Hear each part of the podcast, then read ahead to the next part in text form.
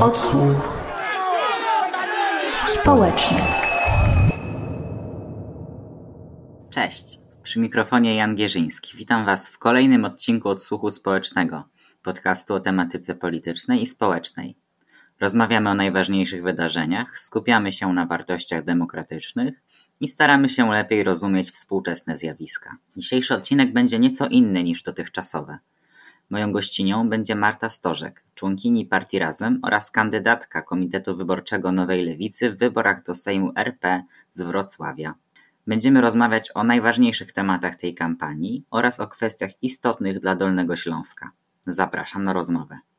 W odsłuchu społecznym to zazwyczaj osoba prowadząca przedstawia gościa lub gościnie danego odcinka. Tym razem chciałbym jednak zmienić trochę naszą konwencję i poprosić Ciebie, Marto, o krótkie przedstawienie się i opowiedzeniu paru słów o sobie naszym słuchaczom i słuchaczkom. Cześć Wam wszystkim. Nazywam się Marta Stożek. Jestem członkinią partii Razem, liderką okręgu wrocławskiego i kandyduję z miejsca drugiego do Sejmu w tych wyborach 15 października. Jestem e, z urodzenia wrocławianką, z Trójkąta Bermudzkiego, to taka nieciekawa dzielnica słynna we Wrocławiu. E, matką piątki dzieci, indolożką z wykształcenia. Obecnie pracuję w Herstory, jestem tam menadżerką. To chyba moja najbardziej rikczowa praca jak do tej pory, ale robiłam w życiu wiele rzeczy. No i od siedmiu lat, kurzona na system, zaczęłam działać politycznie, aktywistycznie. No i to mnie doprowadziło do miejsca, w którym jestem teraz. Na początek chciałbym Cię zapytać o fundację Herstory, właśnie której jesteś menadżerką. Czym, czym się zajmujecie? Jakie projekty obecnie realizujecie? Fundacja Herstory jest organizacją, która zajmuje się hmm, wspieraniem kobiet. My głównie prowadzimy e, warsztaty na przykład Wendo dla kobiet, ale też coś, co Herstory wyróżnia, to program Sztama dla chłopaków. Jest to, no to nie jest do końca wendo dla chłopaków i dla chłopców i dla mężczyzn. Są to warsztaty uczące, jakoś wspierające chłopców i mężczyzn i osoby z doświadczeniem męskości w dobrej komunikacji ze swoimi emocjami, ogarnianiu ich na bieżąco, tak żeby żeby nie doprowadzać do, do sytuacji, w, który, w której agresja przejmuje kontrolę i, i doprowadza do przemocy. Obecnie kończymy, jesteśmy na finiszu e, jeden projekt e, wspierający mm, społeczność, społeczność wspierającą osoby e, z podtęczowego parasola. Jest to siła, siła wspólnoty. Kończymy kończymy projekt Sztama, y, czy Chłopaki dla Rzeczy Równości. Jest to projekt, który bada program Sztama i warsztaty Sztama i to, jak oddziaływuje na społeczności.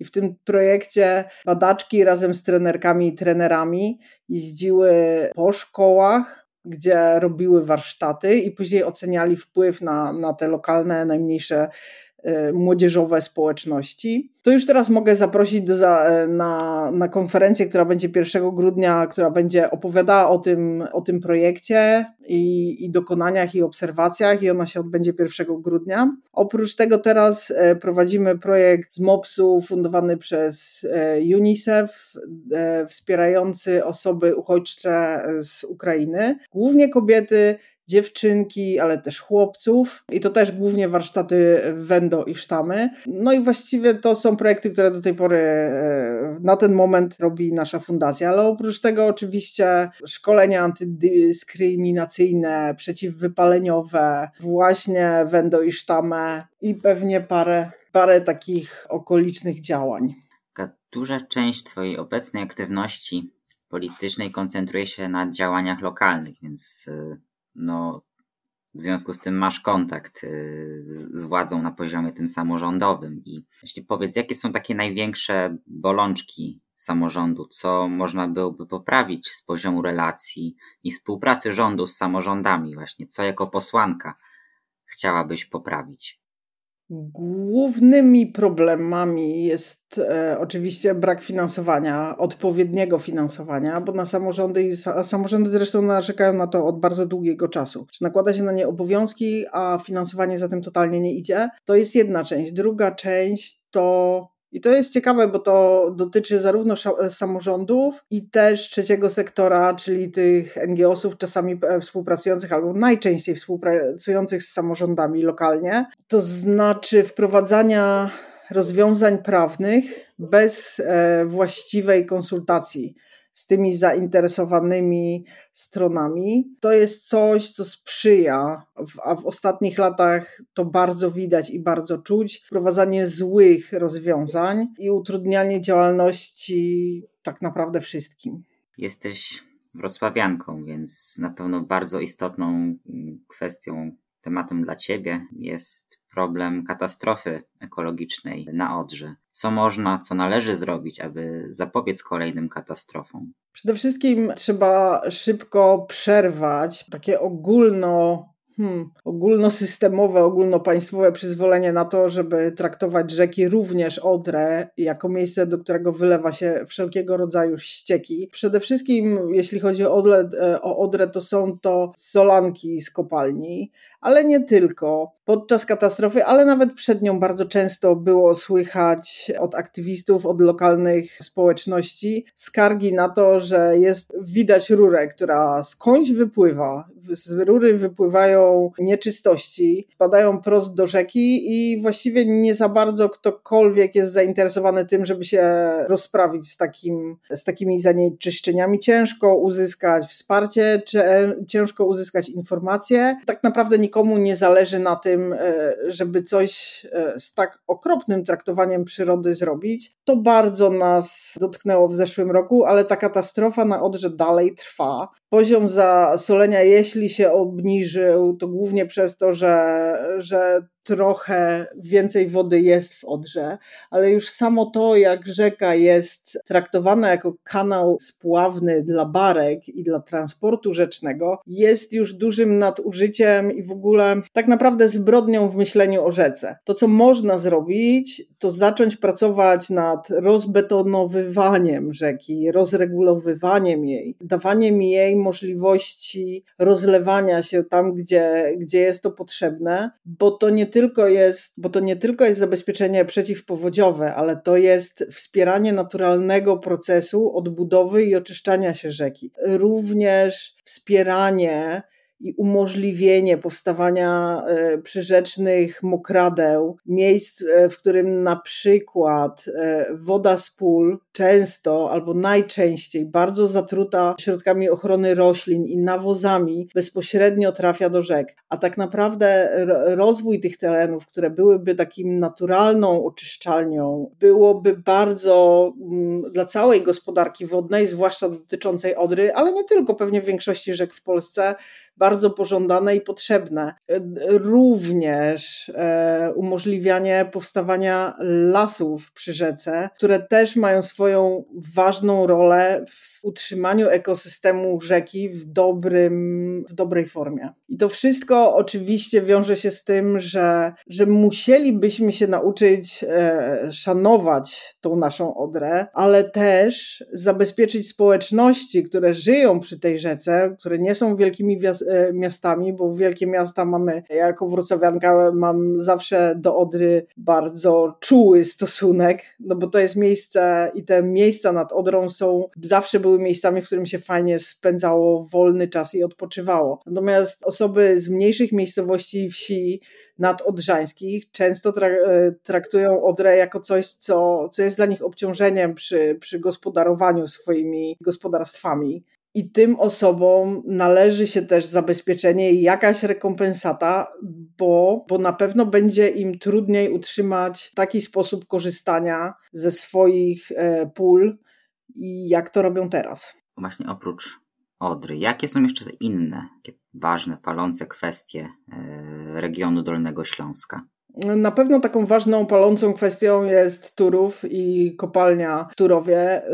No to cała Polska o niej słyszała i kary, które musimy płacić Czechom za, za obciążenie ekologiczne, które mieszkańcy Czech od strony Turowa, które ich do, dotykają i to są kary nałożone, już wywalczone w instytucjach europejskich. To się wiąże z tym, że, że Turów trzeba sobie w końcu jasno powiedzieć i, i rozumieją to też osoby pracujące bezpośrednio przy, przy kopalni, że, że jednak ten węgiel brunatny to nie jest szczególnie przyszłościowa działalność i będziemy musieli jako Polska rezygnować e, z tego sposobu zapewniania nam i ciepła, i energii. Natomiast to, czego się najbardziej wszyscy obawiają i my również, i o czym mówimy, to, że, że nie chcemy mieć w Turowie drugiego Wałbrzycha, czyli miasta, w którym zamknęło się kopalnie i zostawiło ludzi samych sobie. Oczekujemy i chcemy doprowadzić do tego, że powstaną tam programy zapewnienia miejsc pracy osobom, które straciłyby i stracą pracę w miejscach związanych z tą odkrywką i, i tym całym przemysłem, który, który obok niej e, funkcjonuje. Chciałbym teraz, żebyśmy w naszej rozmowie od tych kwestii lokalnych przeszli bardziej do kwestii ogólnokrajowych. Takim bardzo istotnym tematem w debacie publicznej jest problem dostępności do mieszkań. Właśnie gdzie mamy mieszkać, jak mamy mieszkać i różne komitety podają swoje propozycje rozwiązań. Mamy kredyt 2%, kredyt 0%. Lewica proponuje tanie mieszkania na wynajem. Chciałbym się Ciebie spytać, e, jakie są założenia tego projektu i także jako, jak chcesz, jako taka kandydatka lewicy, przekonywać tych, dla których hasło wynajem budzi same negatywne skojarzenia, a w poczuciu tylko własne mieszkanie może być gwarantem stabilności. Ja rozumiem wszystkie te osoby, które marzą o własnym mieszkaniu, jako tym właśnie gwarancie stabilności, bo do tej pory w Polsce, a we Wrocławiu szczególnie, przez, przez naprawdę lata widać było to myślenie o, o mieszkaniach i o lokatorach jako obciążeniu dla, dla miasta i właściwie najchętniej miasto chciało się pozbyć te, tych osób i mieszkań i zasobu komunalnego jako głównego problemu, podchodząc do, do, swoich, do swoich lokatorów tak jako, jako obciążenie i to, że właściwie jak ich nie stać, to niech się wyprowadzą z Wrocławia. To jest ogromny problem, który teraz w, y, sprawia, że że właściwie wszystkie osoby, które nie mają swojego lokum, albo które mają już swoje nawet spłacone mieszkanie, ale mają dzieci i myślą o tym, gdzie ich dzieci będą mieszkać, zaczynają obawiać się przyszłości i, i tracą taką pewność e, tego mieszkania. A lewica mówi i my mówimy, i ja mówię, że mieszkanie jest prawem i nie towarem. To mieszkanie i bezpieczeństwo mieszkaniowe, e, bezpieczeństwo bytowe się nam po prostu należy. I to jest, to jest coś, co, co mamy zapisane w Konstytucji, czego powinniśmy się domagać i nie powinniśmy zgadzać się na to, że, że to prawo do bezpiecznego mieszkania jest nam odbierane i to tak, tak okropnie bardzo przez tyle lat. No i do tej pory oczywiście proponowane rozwiązania to te wszystkie dopłaty do kredytów, czyli dopłacanie do popytu, a tego popytu nam nie brakuje, nam e, brakuje podaży, czyli brakuje nam mieszkań na tani wynajem. No i my mamy właśnie taki pomysł, że zacznijmy to robić. Część mieszkań, e, część miejscowości w miast w Polsce ma swój zasób komunalny, który rozwija i to się da zrobić nawet e, dotychczasowymi metodami, ale my widzimy we Wrocławiu zwłaszcza, że nasze mm, włodarze naszego miasta niechętnie, niechętnie w ogóle się e, patrzyli na ten problem i nie mieli w ogóle takich myśli, że, żeby ten zasób jakoś nawet remontować. I, a co dopiero rozbudowywać i proponować swoim mieszkańcom większe bezpieczeństwo. Kończy się to tak, że, że te czynsze są horrendalnie drogie i praktycznie praktycznie bez jakichś e, zasobów z domu, tudzież super e, szczęścia do wysoko wynagradzanej pracy, nie mamy szans na to, że, żeby dorobić się własnego mieszkania. Dlatego tak marzymy pewnie o tym, o tym swoim własnym M, nawet za cenę powieszenia się na 30-letnim kredycie mieszkaniowym. Dalej chciałbym porozmawiać z Tobą na temat polityki migracyjnej, czyli takiego kolejnego tematu, który bardzo mocno wybrzmiał w czasie obecnych wyborów, gdzie tak naprawdę obok kampanii wyborczej mamy kampanię strachu wymierzoną w uchodźczynie i uchodźców. Zaczynając od afery wisowej, poprzez film Zielona Granica, kończąc na pytania, e, pytanie, którym ma być w referendum. Jak możemy zaradzić rosnącym ksenofobicznym nastrojom? Jakie pomysły na politykę migracyjną ma Marta Storzek?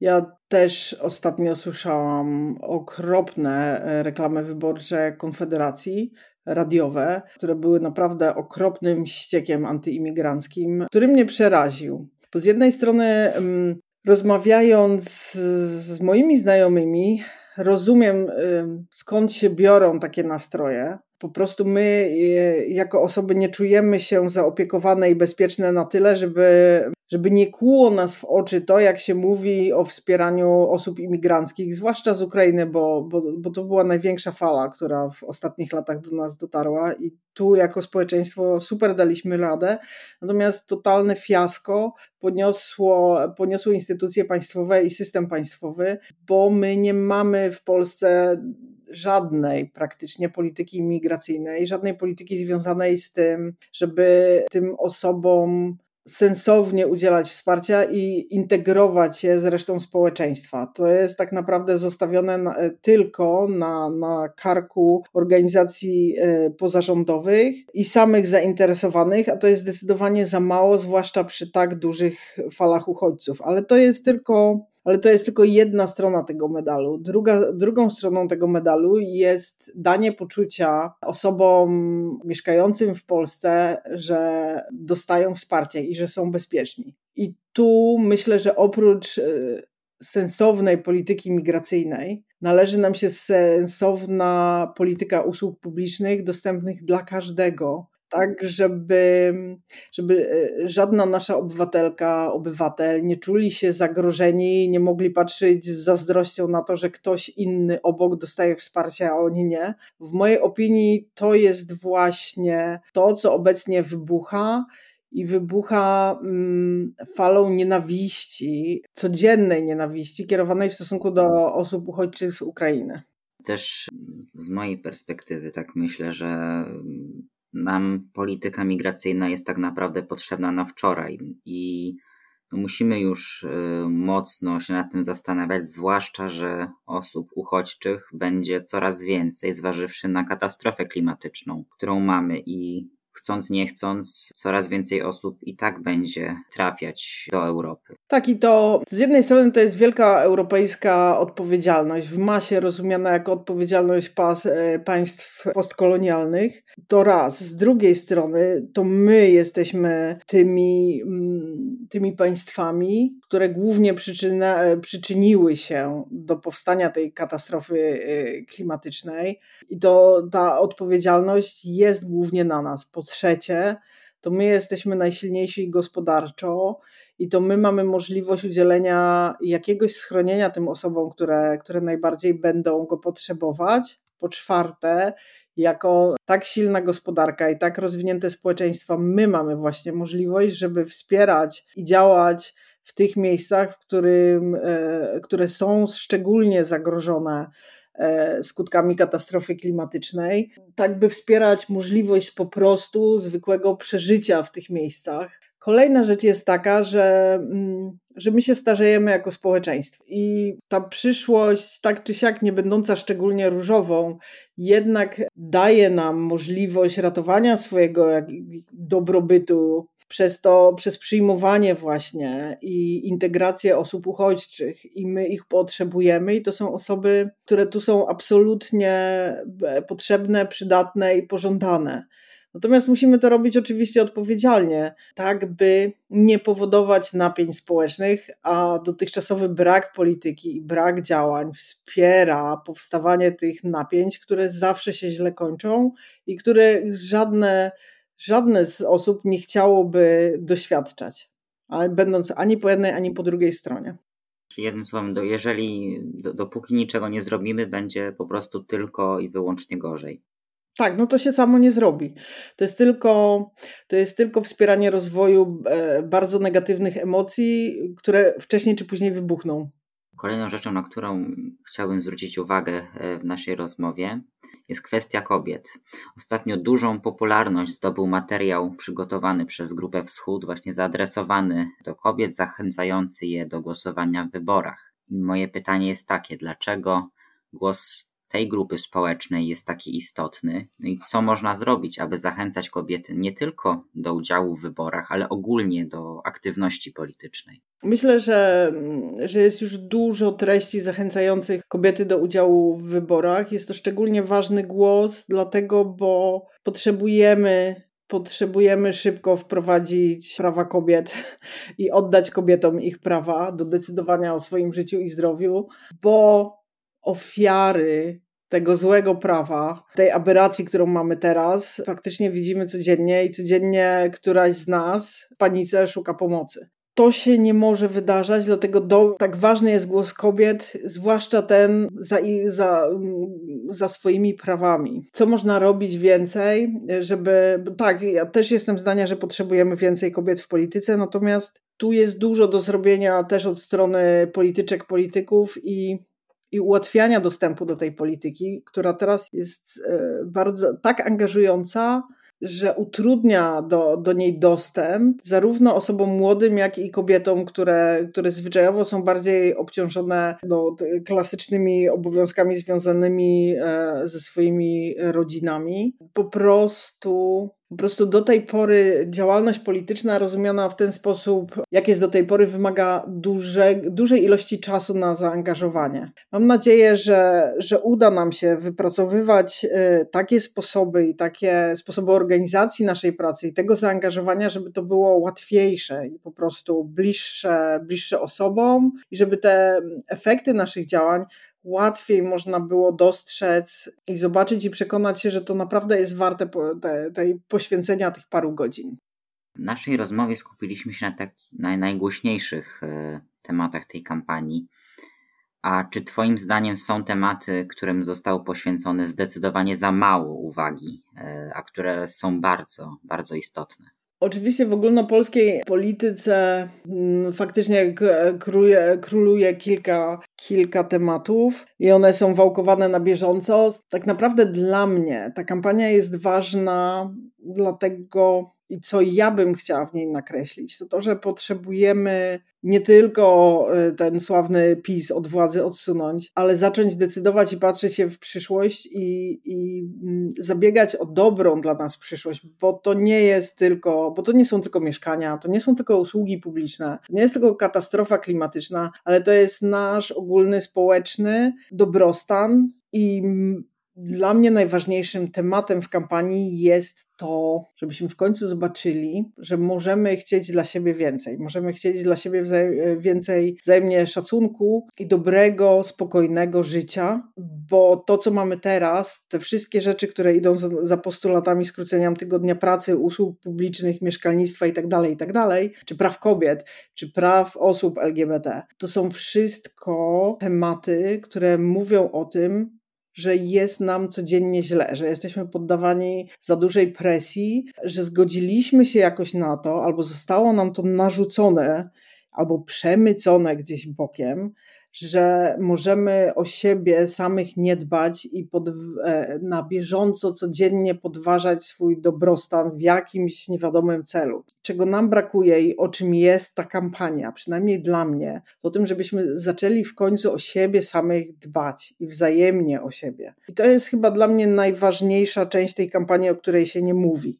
Zacznijmy robić coś dla nas samych, dla naszego dobra też widzę po, po osobach kandydackich duże takie zmęczenie tą kampanią i, i pojawiające się właśnie głosy, że żeby już było po tym 15, że już mają po prostu dość. I wydaje mi się, że nie tyle e, tej osoby kandydujące, ale też e, społeczeństwo e, jest już przesycone tą ciągłą polaryzacją, tymi ciągłymi kłótniami, aferami, że też jakby trochę brakuje takiej przestrzeni, żeby odetchnąć, złapać, złapać ten oddech. No tak, no osoby kandydujące oczywiście są zmęczone, ja też odliczam każdą godzinę, ale też ta kampania jest wyjątkowa, znaczy dla całości opozycji tak zwanej, bo rząd robi kampanię cały czas, jest to bardzo krótka, intensywna kampania, której, a w kampanii wiadomo, co się będzie słyszeć i jaka będzie intensywność przekazu. I się nie dziwię, że można mieć tego dosyć. Dlatego kampanie powinny być dłuższe, łagodniejsze.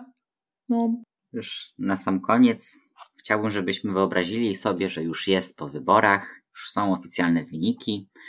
Okazuje się, że Marta Stożek zostaje posłanką kolejnej kadencji Sejmu. Co teraz robisz? Od, od czego chciałabyś zacząć i na czym chciałabyś się skupić e, w tej kadencji? Chciałabym zacząć od działania dla, na normalizację i mam nadzieję, że naprawdę te, projekty ustaw, większość z nich już jest gotowa, wejdą naprawdę szybciutko. I to są ustawy oczywiście o prawach kobiet, to są ustawy oczywiście o prawach osób e, z podtęczowego parasola, to są ustawy o skróceniu tygodnia pracy, to są e, ustawy o zwiększeniu uprawnień Państwowej Inspekcji Pracy, to są ustawy właśnie o rozpoczęciu programu programu mieszkaniowego. No, pewnie by się jeszcze dużo takich szybkich ustaw e, znalazło. Super, bardzo Ci dziękuję za rozmowę i życzę powodzenia w najbliższą niedzielę. Wielkie dzięki. Dziękuję bardzo. Na dziś to wszystko. Dziękuję bardzo za uwagę. W międzyczasie zapraszam Was do posłuchania naszych pozostałych odcinków. Znajdziecie nas na wszystkich większych platformach podcastowych. Odcinek przygotował i zrealizował Mateusz Pigoń, a poprowadził Jan Gierzyński. Do usłyszenia.